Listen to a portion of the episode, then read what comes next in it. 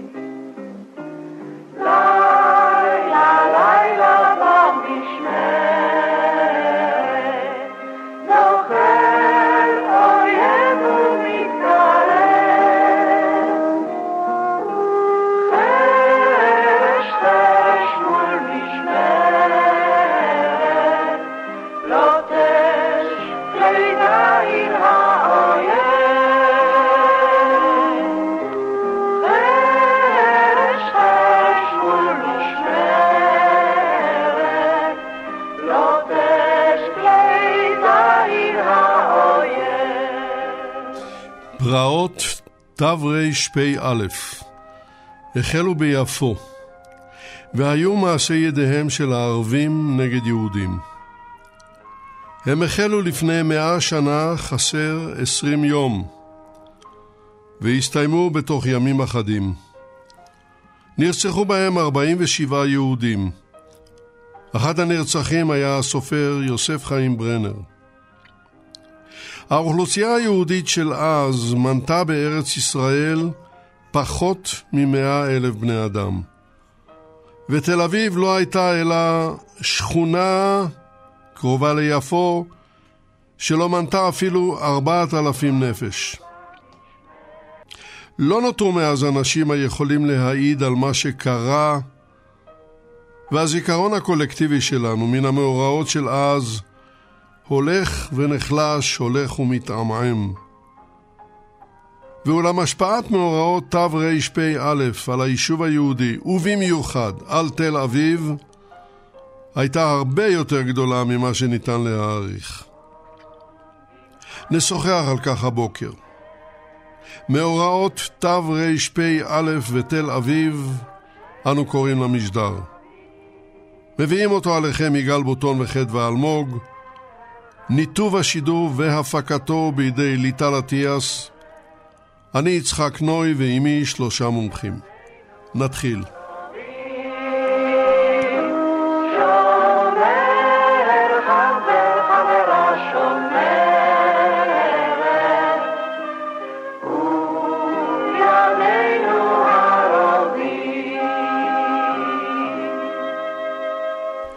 אילן שחורי בוקר טוב לך, שבת שלום. בוקר טוב, שבת שלום. אילן שחורי הוא עיתונאי, הוא חוקר תולדות תל אביב, הוא מתמחה בתקופת המנדט. ב... הוא נמצא בסיום עבודת ה... עבודתו לתואר דוקטור בנושא פעילות עיריית תל אביב בימי מאיר דיזינגוף. אילן שחורי גם מפעיל אתר אינטרנטי ששמו תל אביב שלי. מספריו חלום שהפך לכרך. סיפור הקמתה של תל אביב, הוצאת אביבים 1992, והספר אבנך ונבנית, סיפורי הבנייה הקבלנית של תל אביב, הוצאת מילו 1998. ואנחנו רוצים פשוט שתאמר לנו, אילן שחורי, תספר לנו ב... שתיים שלוש דקות על האירועים האלה. איך הם פרצו, למה הם פרצו ואיך הם נסתיימו. מאוד מאוד בקיצור, בוא ונשמע. טוב, בשורה אחת אולי, אה, למעלה האמת השלטון הבריטי, השלטון הצבאי הבריטי מסתיים אחרי מלחמת העולם הראשונה, ובפעם הראשונה הבריטים מאפשרים לקיים את הפגנת אחד במאי, כמו שמתקיים בכל העולם.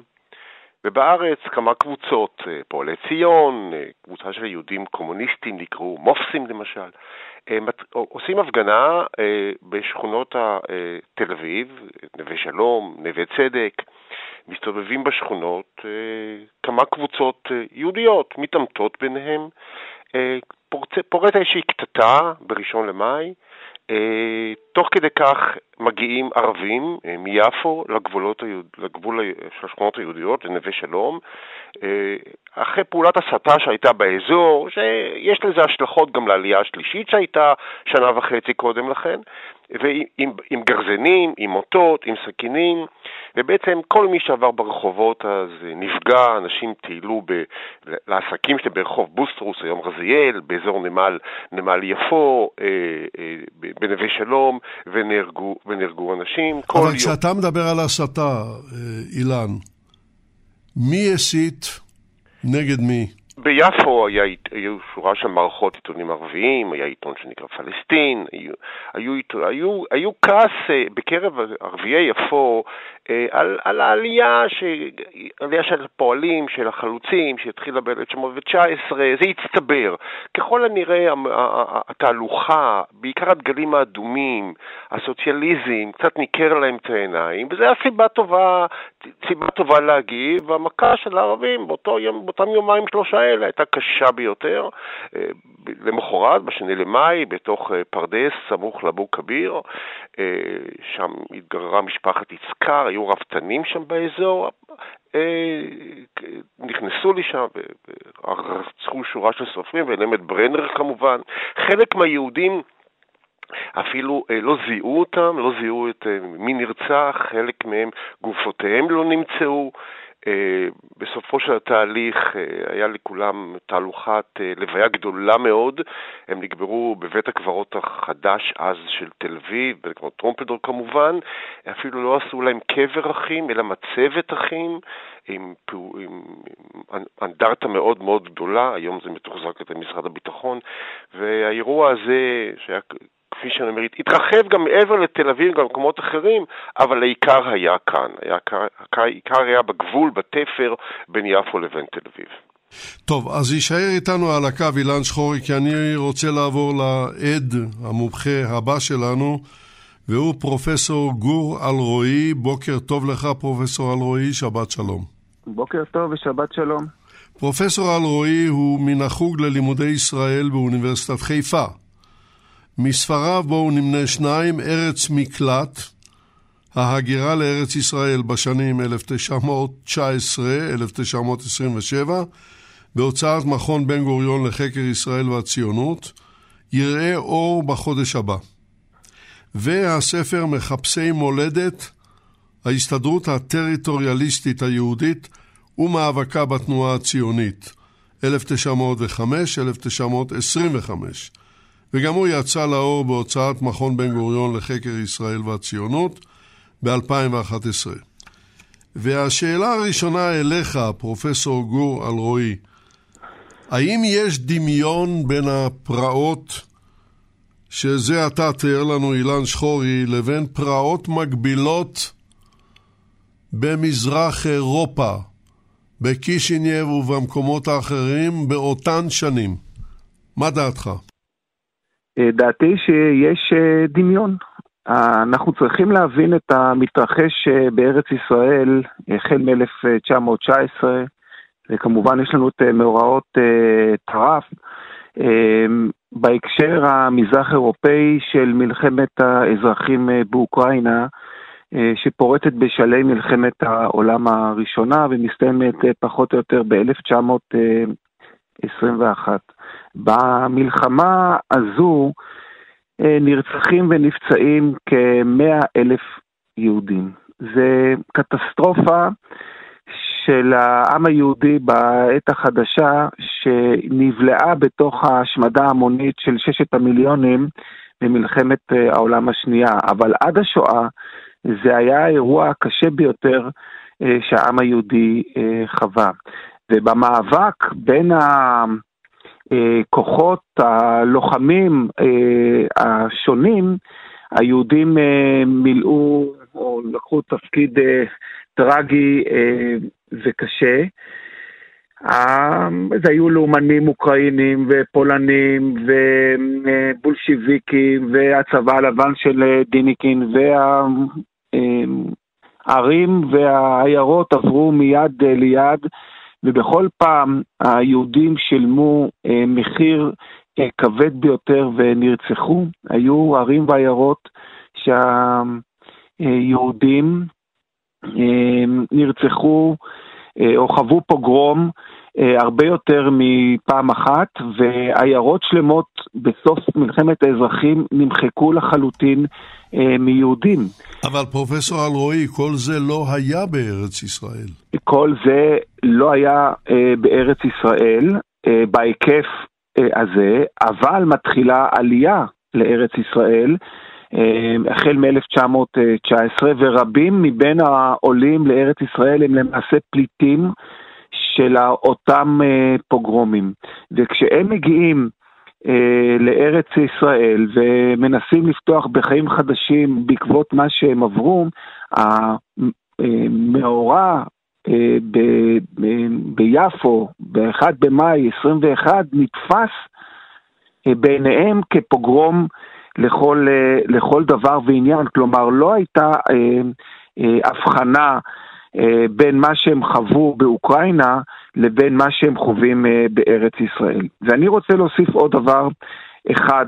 אה, אה, אני לא מבקש לטעון שהיו פוגרומים במזרח אירופה והיו גם פוגרומים גם ב-20 וגם ב-21 בארץ ישראל, אלא זה מעניין לבחון אם האירוע האלים שהתרחש בארץ ישראל הוא מתאים לאב טיפוס של האלימות נגד היהודים שהתקיים במרחב גיאוגרפי תרבותי אחר. ואני טוען שהאב טיפוס הזה הוא דומה לחלוטין, ואני רוצה למנות חמישה אה, מאפיינים, ובזה אני אסיים.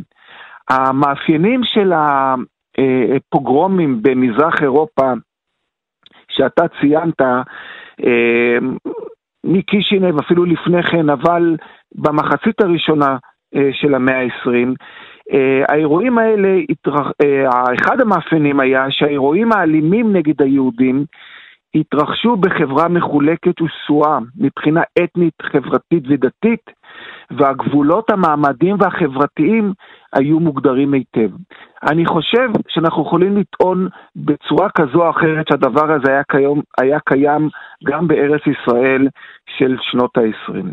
המאפיין השני הוא שמעשי האלימות המכונים פוגרומים היו פעילות קולקטיבית של אנשים שסברו שהם חלק ממעמד חברתי מסוים, והם כיוונו את מעשיהם כלפי קבוצה שנחותה יותר מהם או ששונה מהם. ואני חושב שגם בהיבט הזה המאפיין המזרח אירופאי דומה למאפיין הארץ ישראלי, המאפיין הארץ ישראלי. והדבר השלישי הוא, זה אלה שכלפיהם הופנתה אלימות, נפגעו לא בגלל דברים שעשו או אמרו כקבוצה אתנית דתית, אלא משום שהפורעים פירשו את התנהגות הקורבנות לפי אמות מידה סטריאוטיפיות. וגם פה אני חושב שיש לנו דמיון. ובמהלך הפוגרום, וזה הדבר הרביעי, נשמעו טענות מצד הפורעים שהקורבנות פוגעים באופן קולקטיבי בערכי היסוד שלהם. אלה, זה מאפיין מזרח אירופאי בפוגרומים של אוקראינה ופוגרומים אחרים, וזה נכון גם לגבי ארץ ישראל, ועוד מאפיין של הפוגרומים... רגע, רגע, רגע, אבל הדבר כן. הזה זקוק להבהרה. מה הפירוש כן. פוגעים בערכי היסוד? של מי ואיך? הכוונה היא בערכי היסוד שהיהודים מגיעים לארץ ישראל, הם מגיעים לחברה מוסלמית, שמרנית, שמתנהלת בקודים שמרניים במובהק. וכאשר מגיעים היהודים לארץ ישראל, וחלקם הם אנשים חופשיים בהשקפת עולמם, וכאלה שמסתובבים ברחובות יד ביד, חלוץ וחלוצה, או כמובן ברעיון הגדול יותר, כן, של הצהרת בלפור ויישום הרעיון כן, מימוש הרעיון הציוני להקמת בית לאומי בארץ ישראל, אלה היו דברים שפגעו באופן עמוק בערכי היסוד של החברה הערבית, מה שנתפס לפעמים אפילו כמתירנות של החברה החלוצית שמסתובבת בארץ ישראל. והדבר החמישי, וכאן אני אסיים, הפורעים סברו, ואני מדבר על הפורעים במזרח אירופה, כן? שהאלימות היא הדרך היחידה לתיקון העוול אה, שנגרם להם. ועל פי סולם הערכים של הפורעים, הפשעים של הקורבנות הם כה חמורים, כך שרק באמצעים אלימים ניתן להביא לתיקון הסדר החברתי. אלה המאפיינים, או חמשת המאפיינים של הפוגרומים במזרח אירופה, ושאנחנו בודקים אותם בהקשר הארץ ישראלי, אנחנו רואים דמיון מובהק במערכת היחסים בין החברה הערבית לחברה היהודית, וכאן אני אסיים באמירה, כשאנחנו אה, אה, מעיינים בשיח אה, שיש בחברה היהודית בארץ ישראל לאחר הפוגרומים, אנחנו נראה שלא פעם משווים את ההנהגה הערבית למשל לצארים של בית רומנוב. או לה, את הערבים לאנטישמים המובהקים באירופה. יש את האנטישמים באירופה ויש את שונאי ישראל מה, אה, במזרח. וכאן אני חושב שבתוך ההקשר הזה אנחנו בהחלט יכולים אה, לקבוע שלא מדובר במאורעות אה, תרפ"א, שזו מילה מכובסת, אה, כי אין פוגרומים בארץ ישראל, פוגרומים יש רק במזרח אירופה, אלא פוגרום שבמאפייניו דומה מאוד למה שקרה במזרח אירופה. בסדר. פרופסור אלרועי, אנא יישאר איתנו על הקו. אני רוצה לעבור למומחה, למומחית השלישית שלנו, והיא דוקטור סיגל דוידי. בוקר טוב גם לך, שבת שלום. בוקר אור, שבת שלום. אה, דוקטור דוידי היא אדריכלית והיסטוריונית של האדריכלות. דוקטור דוידי היא מרצה בפקולטה לארכיטקטורה ובינוי ערים בטכניון שבחיפה. נציין את ספרה בונות ארץ חדשה, אדריכליות וארגוני נשים בתקופת המנדט, בהוצאת למדה עיון של האוניברסיטה הפתוחה. ראה אור לפני ארבעה חודשים בסך הכל. והשאלה הראשונה אלייך במסגרת הזאת, ובהמשך הדבר, לדברים ששמענו מאילן שחורי ומפרופסור אלרועי, מילה או שתיים על האדריכלית הראשונה בארץ ישראל.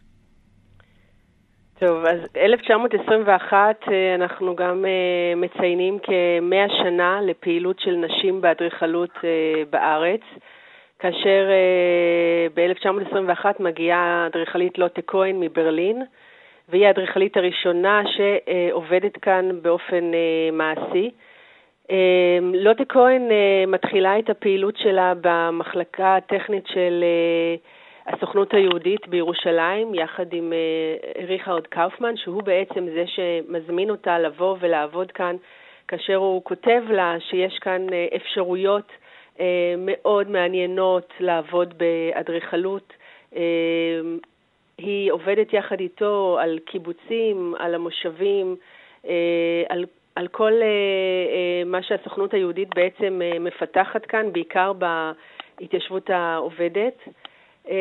היא זו שמתכננת ב-1926 בית ילדים ראשון בקיבוץ חפציבה.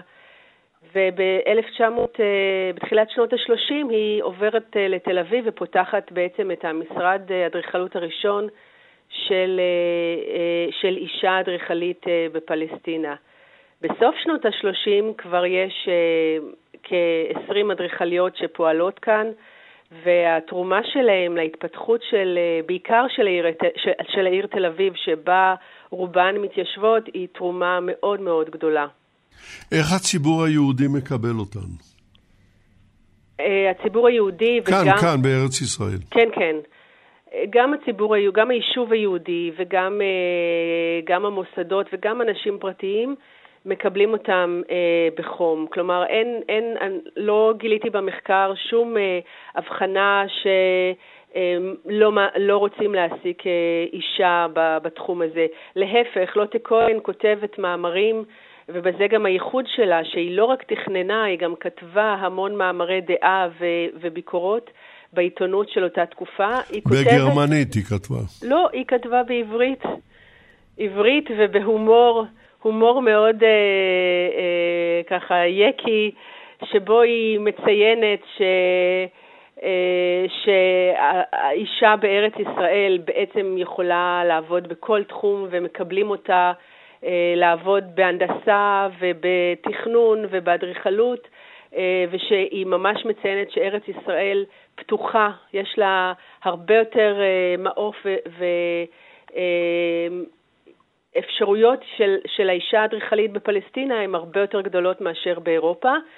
ואני חייבת להדגיש את זה, שאני חושבת שבגלל שהייתה כאן אה, תנופת בנייה כל כך גדולה, אה, אדריכלים לא חששו שנשים אדריכליות לוקחות להן את, ה, אה, את העבודות כמו שהיה באירופה, שבו, שבה הייתה התנגדות מאוד גדולה לכניסה של נשים למשרדי אדריכלות. כן, זה מאוד מעניין. אני, יישאר אה, איתנו גם את על הקו, דוקטור דוידי. אני חוזר אליך, אילן שחורי. כן. מדוע, היו לנו שיחות הכנה כמובן לפני השידור הזה, ובהן אתה מכנה את uh, מאורעות תרפ"א, אתה מכנה אותן שנת, שנת האפס. שנת האפס של תל אביב. בעצם הנקודה... מדוע? מדוע? בעצם הנקודה שבעקבות מאורעות 1921, אה, השכונה הקטנה תל אביב מקבלת את הזינוק הגדול והופכת אה, לעיר ולכרך. אפשר להגיד בגדול שמאורעות תרפ"א גרמו להרס הנוכחות היהודית ביפו ובנו את תל אביב. המאורעות האלו הבליטו... אז רגע, הס... לפני שאתה מתקדם, בואו נראה, העיר הגדולה היא יפו, יפו. וכמה אנשים חיים בה בכלל? תראה, אה, אה, בסביבות אה, 70-80 אלף איש חיים לפחות ב... כמה, ב... כמה מהם הם יהודים? אה, אני מעריך כמה אלפים, אולי 9,000, 8,000 יהודים בתקופה הזאת גרים ביפו. יהודים עבדו ביפו, יהודים אה, עסקיהם היו ביפו, היה שוק של הכנסייה היוונית אה, אורתודוקסית אה, סמוך לכיכר השעון, שכולו אוכלס על ידי יהודים.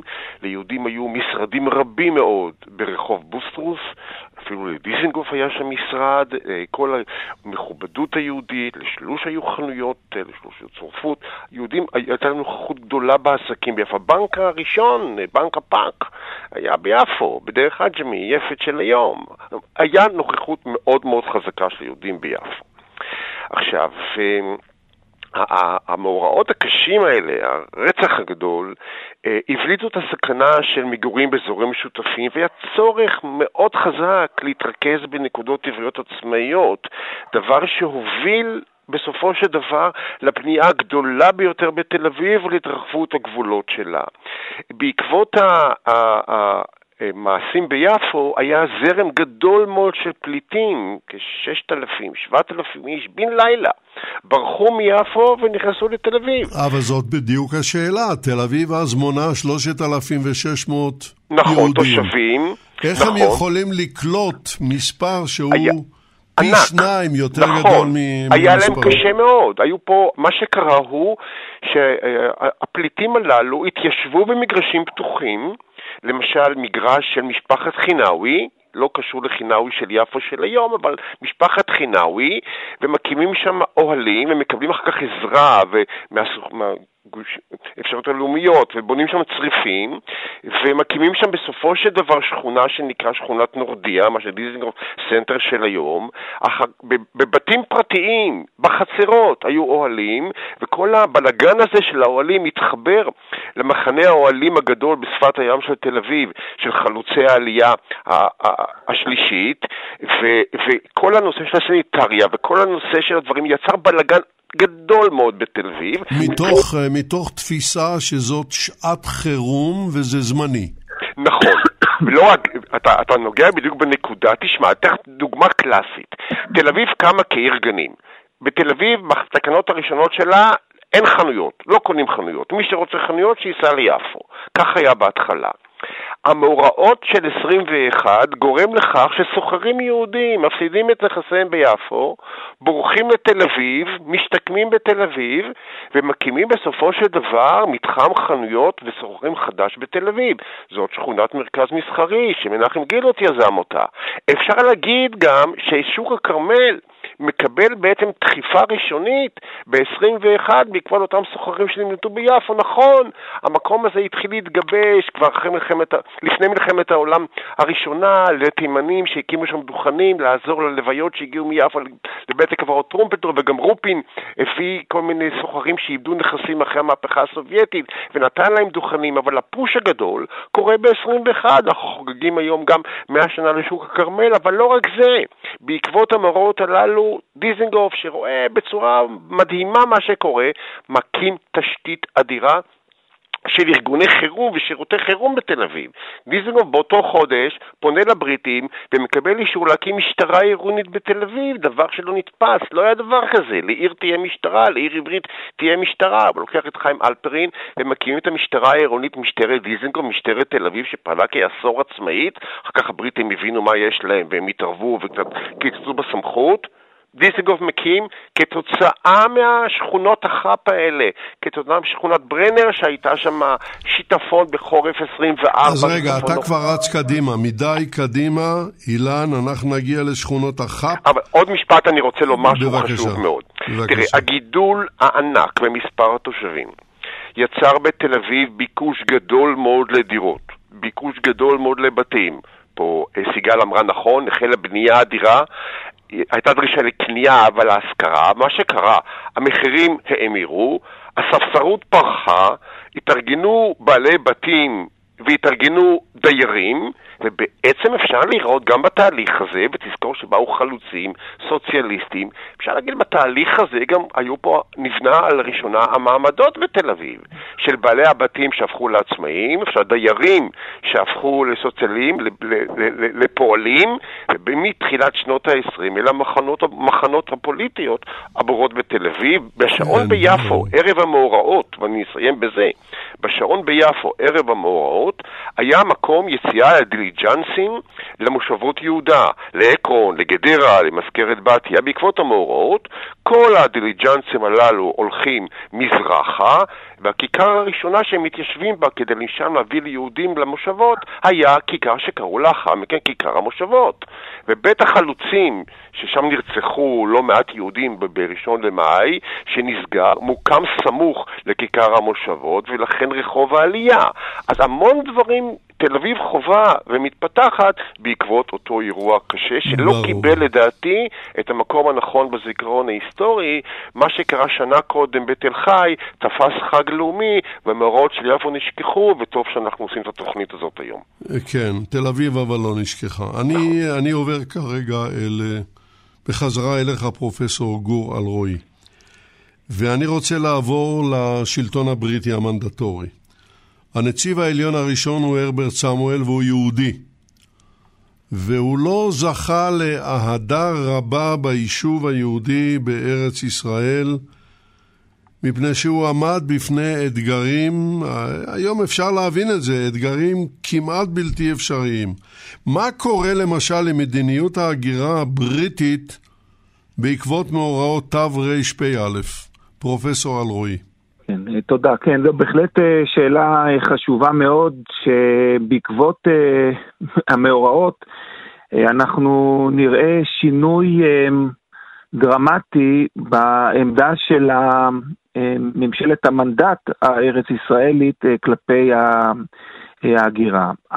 עד קיץ 1920 השלטון בארץ ישראל היה שלטון צבאי. כלומר, הבריטים כבשו את ארץ ישראל והתקיים יש, הצבא ישב והשלטון אה, היה אה, צבאי. כשמגיע הרברט סמואל ביולי 1920, בעצם מתחיל השלטון המנדטורי על ארץ ישראל, ואז גם מתפרסמות תקנות העלייה הראשונות באוגוסט 1920, הן נכנסות לתוקף ב-1 בספטמבר, חודש לאחר מכן, ואלה היו תקנות ליברליות שאפשרו את הגירתו של כל אדם שהיה בריא בגופו ובנפשו, ושמחייתו הייתה מובטחת, והוא לא מסוכן לחברה מבחינה פוליטית או אה, אה, פוליטית.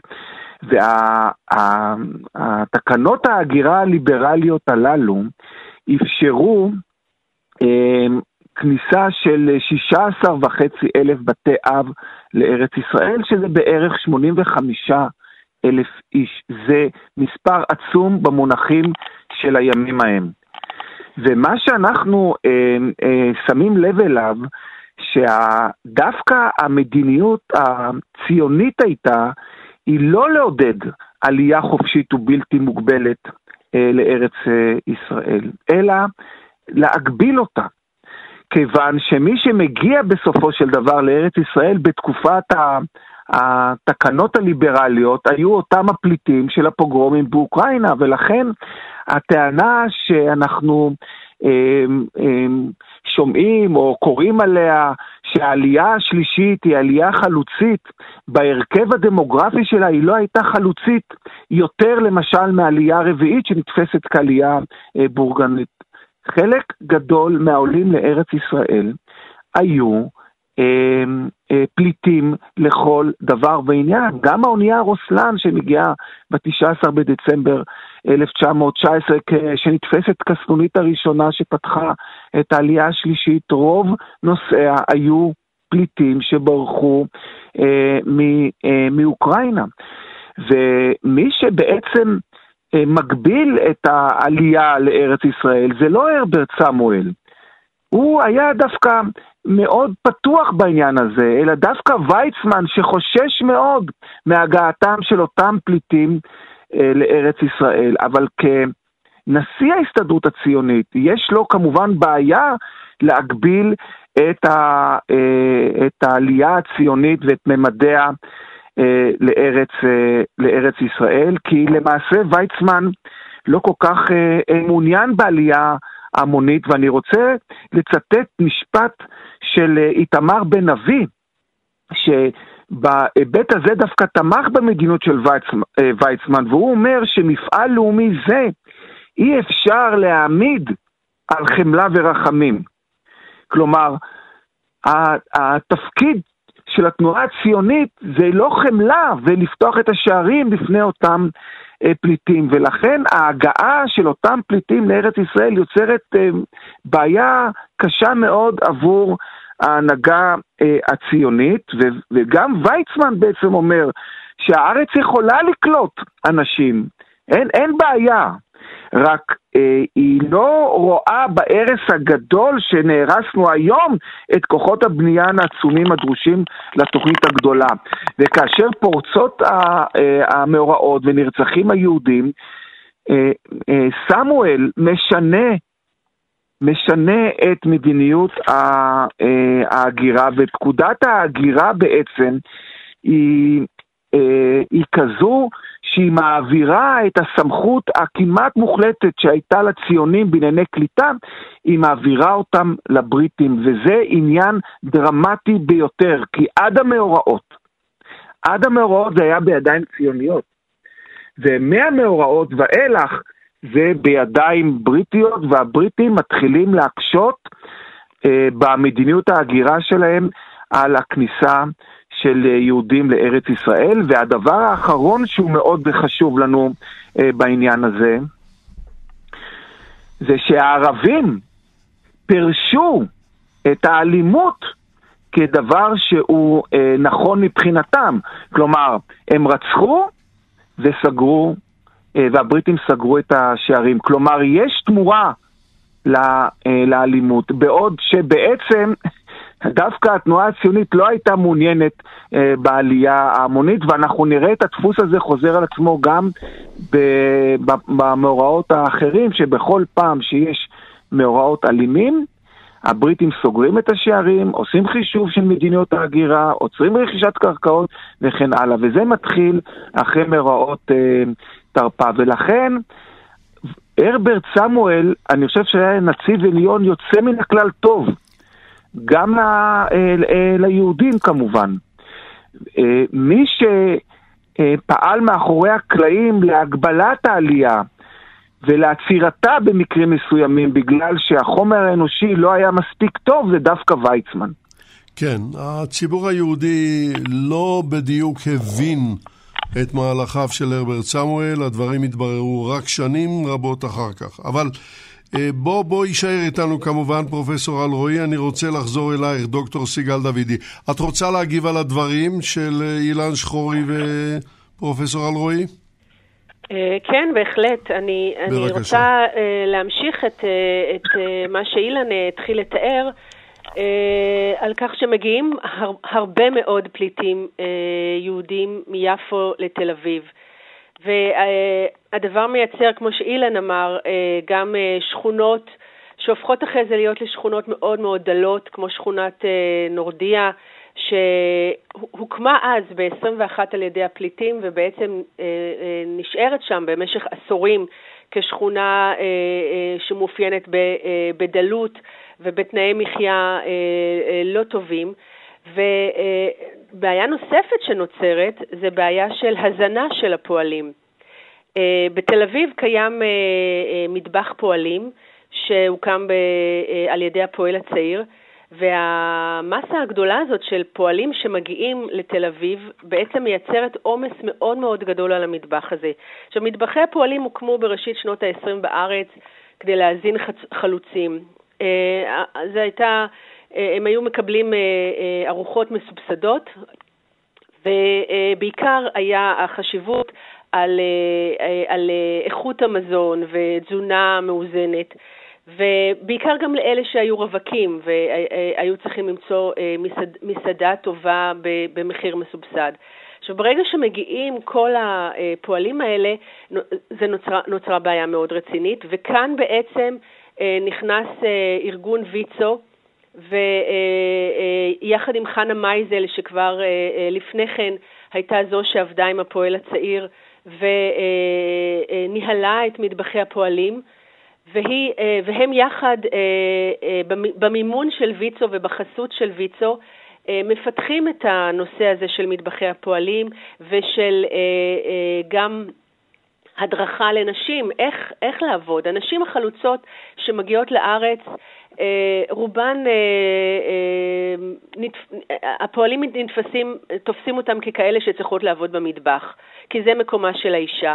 ואלה נשים צעירות שאין להן ניסיון ל, ל, ל, להכין ארוחות ל, למאות אנשים, הן בקושי יודעות להכין למשפחה. ולכן ויצו מקימה קורסים לבישול ותומכת בהן ומקימה גם אה, הדרכות להקים אה, משקי עזר ליד הצריפים וליד הבתים שיש להם חלקת אדמה קטנה. וההתפתחות הזאת שמתחילה אז ב-1921-22 בעצם מגיעה אה, להקמה של מטבח חשמלי ציבורי ראשון בתל אביב בשנת 1931, כשלוטה כהן מתכננת אותו עבור אה, עבור ויצו. וזה בעצם שיא של אה, אה, הצגה ביישוב של איך צריך לתכנן מטבח מודרני, רציונלי, שעובד על טכנולוגיה חשמלית. וצריך לזכור שהחשמל אז מאוד מאוד יקר. תל אביב בעצם מתחילה לקבל תאורה חשמלית רק ב-1923, כשמוקמת שם תחנת כוח חשמלית קטנה. כן, אנחנו, אנחנו נדבר על זה בהמשך, דוקטור דוידי. הנקודה הזאת הובנה, המתיני איתנו, כי אני רוצה לחזור אליך, אילן שחורי, כן. אה, ולשאול את מה שכבר התחלת לרמוז עליו. אני מדבר על אה, שכונות החאפ של תל אביב, אבל תן לי קודם כל להסביר למאזינים. חאפ זו מילה ביידיש, חאפ הריין, לחטוף. וזאת הכוונה גם כאן, שכונות החאפ של תל אביב. עכשיו ספר לנו קצת עליהן. אז קודם כל דיברנו מקודם על אה, אדמות של משפחת חינאווי, שהחבר'ה האלה שברחו מיפו יושבים בשטחים הפתוחים, מה ש... דיזינגוף סנטר הוקמה עליה אחר כך, והקרן הקיימת רוכשת גם כן אה, חלק מה, מהאדמות הללו כקרקע לאומית, ומטפחת ועוזרת באוהלים ובצריפים ובכל מיני שירותים נוספים, והאיש שמאוד מאוד עוזר לחבורה שהתיישבה שם, ובחוסר כל, אחרי הקריאות של דיזינגוף, לסייע להם, והמוסדות הלאומיים לא סייעו, לא ניכנס לזה כרגע, הוא מנהל גימנסיה הרצליה, אה, דוקטור חיים בוגרשוב, ודיזינגוף מאוד מעריך את הפעילות שלו. שעוזר מאוד מאוד מאוד לשכונת העולים וצריפים שקיבלה את השם של מקס נורדו נורדיה, ומחליט אה, שהשביל המרכזי בנורדיה אה, ייקרא על שם של אה, בוגרשוב. ולכן רחוב בוגרשוב חוצה היום את נורדיה. אגב, אומרים ומספרים שבוגרשוב היה מאוד עדין, מאוד, לא היה נעים לו מהשם הזה בוגרשוב על הקיר, אז הוא החליט שינה את שמו לבוגר. אז במקביל להתפתחות הזאת, הייתה גם קבוצה שהיא ישבה במזרח במזרח ובדרום תל אביב על כל מיני שטחים, ולא היה להם עניין לבוא ולשבת אה, ולהקים מבנים או, או, או צריפים בקרקע לאומית. אז הם יוזמים אה, אה, דבר אחר, חלק מאלה שבאו לשכונת הפועלים וצריפים נורדיה, ומקימים שכונה נוספת, גם כן ב-21, שנקראת נווה שאנן. ושכונת נווה שאנן בדרום מזרח תל אביב בעצם פורצת ומתפתחת כשכונה מסודרת ומאורגנת למען הפליטים ולמען העולים שכבר התחילו קצת להתבסס בתל אביב, והם מוקרבים שם כבר בניינים מסודרים ומאורגנים. אה, הם מקימים את האגודה בשם אה, נווה שאנן, הם עושים תוכנית, תוכנית גדולה מאוד, מי שהיה יוזם בשכונה הזאת קראו לו יעקב פרמן, הוא גם היה אספן והוא עזר מאוד, הוא הגיע גם ברוסלן. אדריכל מתכנן את השכונה בתור מנורת, אה, מנורת אה, שיבת קנים, שאחר כך הוסיפו לה כמה קנים, אפשר בצילום אוויר משנות ה... סוף שנות ה-20, תחילת שנות ה-30, לראות ממש את המנורה הזאת, רחוב לוינסקי אגב, הוא בעצם הציר של המנורה.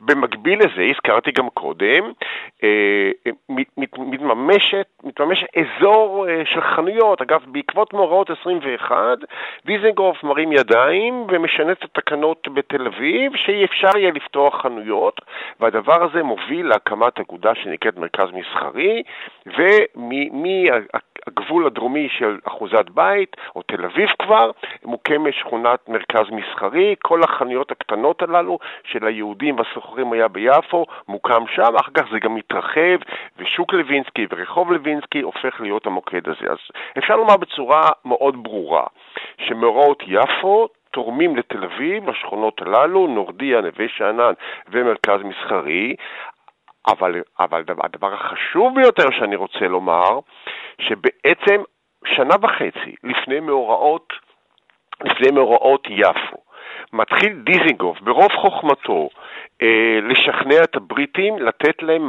לתת לתל אביב מעמד נפרד מיפו. לנתק את התלות ביפו, כי שכונת אחוזת בית הוקמה כחלק מיפו בתחילת הדרך. שכונה עברית, אבל חלק מיפו. והמהלך הזה אה, רוקם עור וגידים בעזרתו, לא תאמין, של עורך דין, חבר של, אה, של דיזינגוף, שקראו לו זאב ז'בוטינסקי. השניים הכירו גם באודסה וגם בז'יטמור, המקום שבו דיזינגוף אה, צמח, וז'בוטינסקי מסייע לדיזינגוף בהתנהלות משפטית וכותב מסמכים משפטיים לשלטונות הבריטים, והם מקבלים את, ה, את התפיסה שיש להפריד, כל זה קורה בסוף 20, בתחילת 21, ויצא הגורל, לעומת מה שנטען בחלק מהמחקרים, וזה לא נכון, ויצא הגורל שהנציב העליון סמואל מאפשר לתל אביב להתעסק ביפו בסוף מאי 21, ומפרסם את הדבר בעיתון הרשמי ב-1 ליוני 21. אז הפרדתה של תל אביב מיפו ומתן לה מעמד טאונשיפ, אה, שזה בעצם שכונה אה, חצי עצמאית, אה, החל לפני המאורעות, אבל מקבל את תוקף משפטי אחריו כן, במקרה. כן. הדבר הזה, ועוד משפט אחד כדי לסיים, המהלך, הרצח הזה שהיה ביפו, ומעמד המשפטי הנפרד של תל אביב פותח לדיזנגוף את השער הענק להקים בתל אביב את כל המוסדות הממוסדים הגדולים, להפוך את תל אביב לעירייה. כולל משטרה, כולל כן, משטרה. כן, אבל דיזנגוף שקיבל אה, להיות ראש township מיד חוטף את זה וקורא לעצמו עירייה וראש עירייה, למרות שרק ב-34, ב-12 בינואר 34 הבריטים נותנים לתל אביב מעמד של עירייה, הוא כבר ב-21 קורא לתל אביב עירייה, מקים את המשטרה, מקים בתי משפט עירוניים, מקים מכבי מקים את. הכל, כל תל אביב, כן. עכשיו אני חוזר אליך, פרופסור אלרועי, גור אלרועי. אני לא הייתי רוצה שניפרד, אנחנו כבר מתקרבים לסיום לצערי הגדול, אבל מאוד לא הייתי רוצה שניפרד בלי שנוסיף עוד כמה משפטים על התנועה הקומוניסטית, על הפלסטינה קומוניסטי שפרטי, הם, הם השתמשו ביידיש ולא בעברית, על החלק שלהם גם באירועים של תרפ"א וגם במה שבא אחר כך. הרי הם היו לצנינים בעיני שר המושבות צ'רצ'יל. איש לא אהב אותם. נכון איך הם מאוד. מתפקדים? כן, נכון מאוד. אני חושב שגם בהקשר הזה אנחנו צריכים אה, לצאת רגע מנקודת המבט של אה, גדרה עד חדרה, של המציאות הארץ ישראלית, ולראות אותה בהקשר הרחב יותר. בשנות ה-20, גם ה-30, הקומוניסטים נחשבו לאויביהם המושבעים של מדינות המערב. והמדינות האלה רדפו ואסרו וגירשו אותם, ואפילו גם לעיתים התנגשו בחייהם. בארצות הברית למשל, אה, פקידי הגירה האמריקאים באליס איילנד, אה, תחקרו אה, מהגרים שנחשדו בהשקפת עולם בולשיביקית רדיקלית, ואותם אה, מהפכנים אה, מצליחים להערים על רשויות ההגירה ונכנסים לארצות הברית ומתסיסים את השטח באמצעות השביתות והפגנות המוניות. וכשהם רוצים לערער את הסדר הפוליטי אה, הקיים, ופוליטיקאים אמריקאים ראו בהם סכנה של ממש לביטחון החברה האמריקאית ועשו הכל כדי לגרש אותם. זה למשל המקרה של האנרכיסטית היהודייה אמה גולדמן, שגורשה מארצות אה, אה, הברית. ובהקשר הארץ ישראלי זה לא שונה. הבריטים ניצבו בפני חששות אה, דומים, ויש לנו אה, אה, פעילים יהודים קומוניסטים שפועלים בארץ ישראל. עכשיו, הראשונים מגיעים ערב מלחמת העולם הראשונה, כלומר, מה שאנחנו מכנים תקופת העלייה השנייה, וזו מפלגת פועלי ציון, ובמצע של פועלי ציון, הוא מפלגת מתחיל... פועלי ציון שמאל. פועלי, זה פועלי ציון ואחר כך הם מתחלקים לפועלי ציון שמאל ופועלי ציון אה, ימין. ובפרוגרמה של פועלי ציון, עוד לפני שהם שמאל, היא מתחילה, ב, אה, הפרוגרמה מתחילה בדברי ימי האנושות עם מלחמת הלאומים והמעמדות. אחר כך יש מתח בתוך המפלגת פועלי ציון, ויהיו כאלה שיהיו שמאל, ויהיו כאלה ימין, ולימים פועלי ציון שמאל יהפכו לקומוניסטים. וכשאני. מלמד על הקומוניסטים בקורסים שלי באוניברסיטה, כדי להסביר לסטודנטים את המורכבות של העניין הקומוניסטי ואת השינויים שזה... ש... שהם עברו, אז יש לנו אנחנו אה, רואים את זה לפי שמות המפלגות שמשתנות לפעמים תוך כמה חודשים בהתאם לדיונים שהיו. יש לנו את מפלגת הפועלים הסוציאליסטית העברית, ואחר כך במאורות אה, אה, תרפ"א עדיין אין לנו את ה-PKP. ה-PKP יבוא רק שנה לאחר מכן, אבל יש לנו את המפלגת הקומוניסטית היהודית. כלומר, אנחנו רואים שהעברי השתנה ביהודי והסוציאליסטי השתנה בקומוניסטי.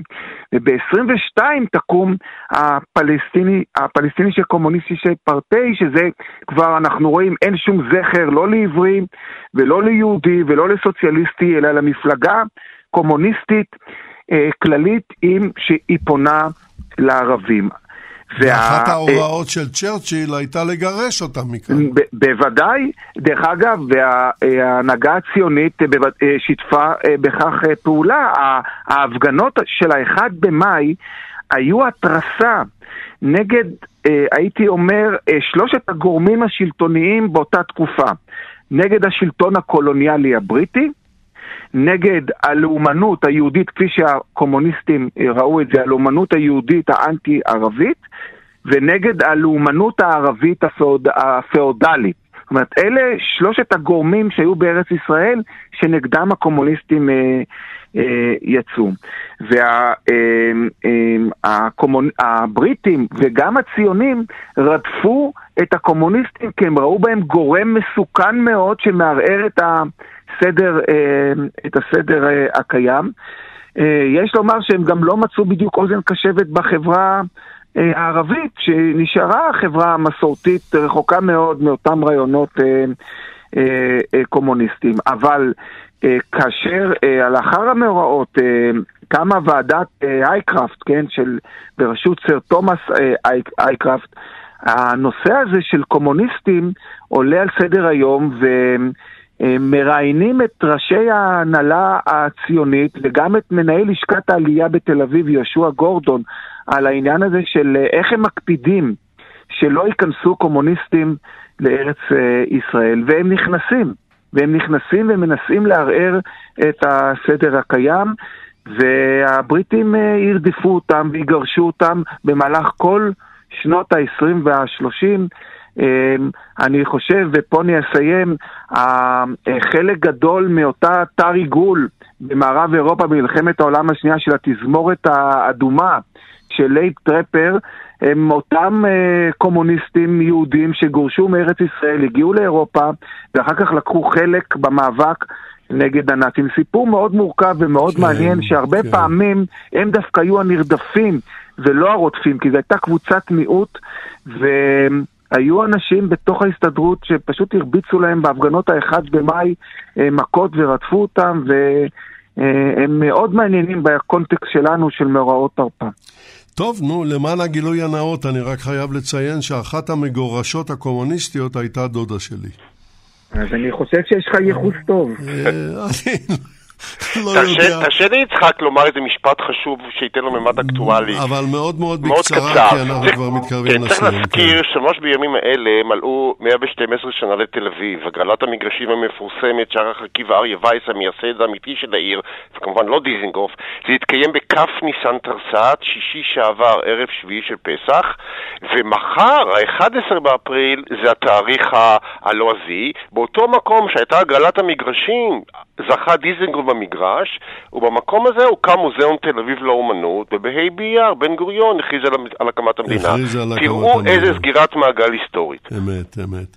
עכשיו, אה, דוקטור דוידי, הרבה זמן כבר לא נשאר לנו, ואנחנו חייבים, אנחנו כבר על פתחו של הסיום, אז אם את רוצה, בשני משפטים, לדבר על האדריכליות בתל אביב בשנות ה-20 וה-30, ואחר כך הייתי רוצה לדעת מה דעתך, מה היית רוצה שהמאזינים ילמדו מהשידור. בבקשה. טוב, אני רוצה להמשיך את מה שאילן דיבר על זה שמוסדות... אה, שתל אביב אה, מתחילה להקים מוסדות משלה, ואני רוצה להדגיש את המוסדות לנשים, שהמוסדות האלה מוקמים על ידי ארגוני נשים. כלומר, העירייה, עיריית תל אביב לא חושבת שצריך להקים אה, מוסדות לאם ולילד, או אה, אה, אה, אה, מוסדות אחרים שהארגוני נשים רואים בהם צורך, כמו בתי חלוצות, והם לוקחים את זה אה, ומקימים גם בשכונות שוליים, כמו בנורדיה, כמו בכרם התימנים, אה, למען נשים, למען אה, גם תינוקות. ואני רוצה ש... לא, אנחנו כאן נצטרך להסתפק. מה היית מבקשת? אז, אז זה מה שאני רוצה לבקש. שהמאזינים רוצה... ילמדו, אבל שהמ... מאוד בקצרה. בקצרה לגמרי, כן. אני רוצה להחזיר את ה... או להכניס שוב את הפעילות הזו של נשים גם נשים חלוצות, גם נשים אדריכליות, גם אה, נשים, אה, ש... גם את ארגוני הנשים לתוך ההיסטוריוגרפיה של היישוב ושל תל אביב בפרט, ולהכיר בחשיבות שלהם ובתרומה שלהם להתפתחות של היישוב נעשה. ולתרבות. תודה רבה, דוקטור סיגל דוידי. פרופסור גור אלרועי, מה היית מבקש שהמאזינים ילמדו מהשידור? אני הייתי מבקש, אם אנחנו רוצים להבין את ההיסטוריה של החברה היישובית אה, או את היישוב היהודי בארץ ישראל אה, לפני הצהרת בלפור, אחרי הצהרת בלפור, אנחנו צריכים לצאת מהקונטקסט המקומי ולהבין אותו בהקשר הרחב יותר, גם המזרח האירופאי, גם הכללי, ואז התובנות שלנו יהיו הרבה יותר מעמיקות. תודה רבה, פרופסור אלרועי. אילן שחורי בחצי מילה, לא יותר. חצי מילה, שהכל התחיל בתל אביב. תל אביב הובילה ליצירת מוסדות שלטון עצמאי, שהפך מודל לחיקוי לעיריות נוספות ולמדינה כולה, מעין מעבדת ניסוי לעצמאות שהצליחה. בזאת אנחנו נסתפק, תודה רבה, עד כאן להפעם, מאורעות תרפ"א ותל אביב הביאו לשידור יגאל בוטון וחדווה אלמוג, ניתוב והפקה ליטל אטיאס, אני יצחק נוי. עמכם גם בשעה הקרובה.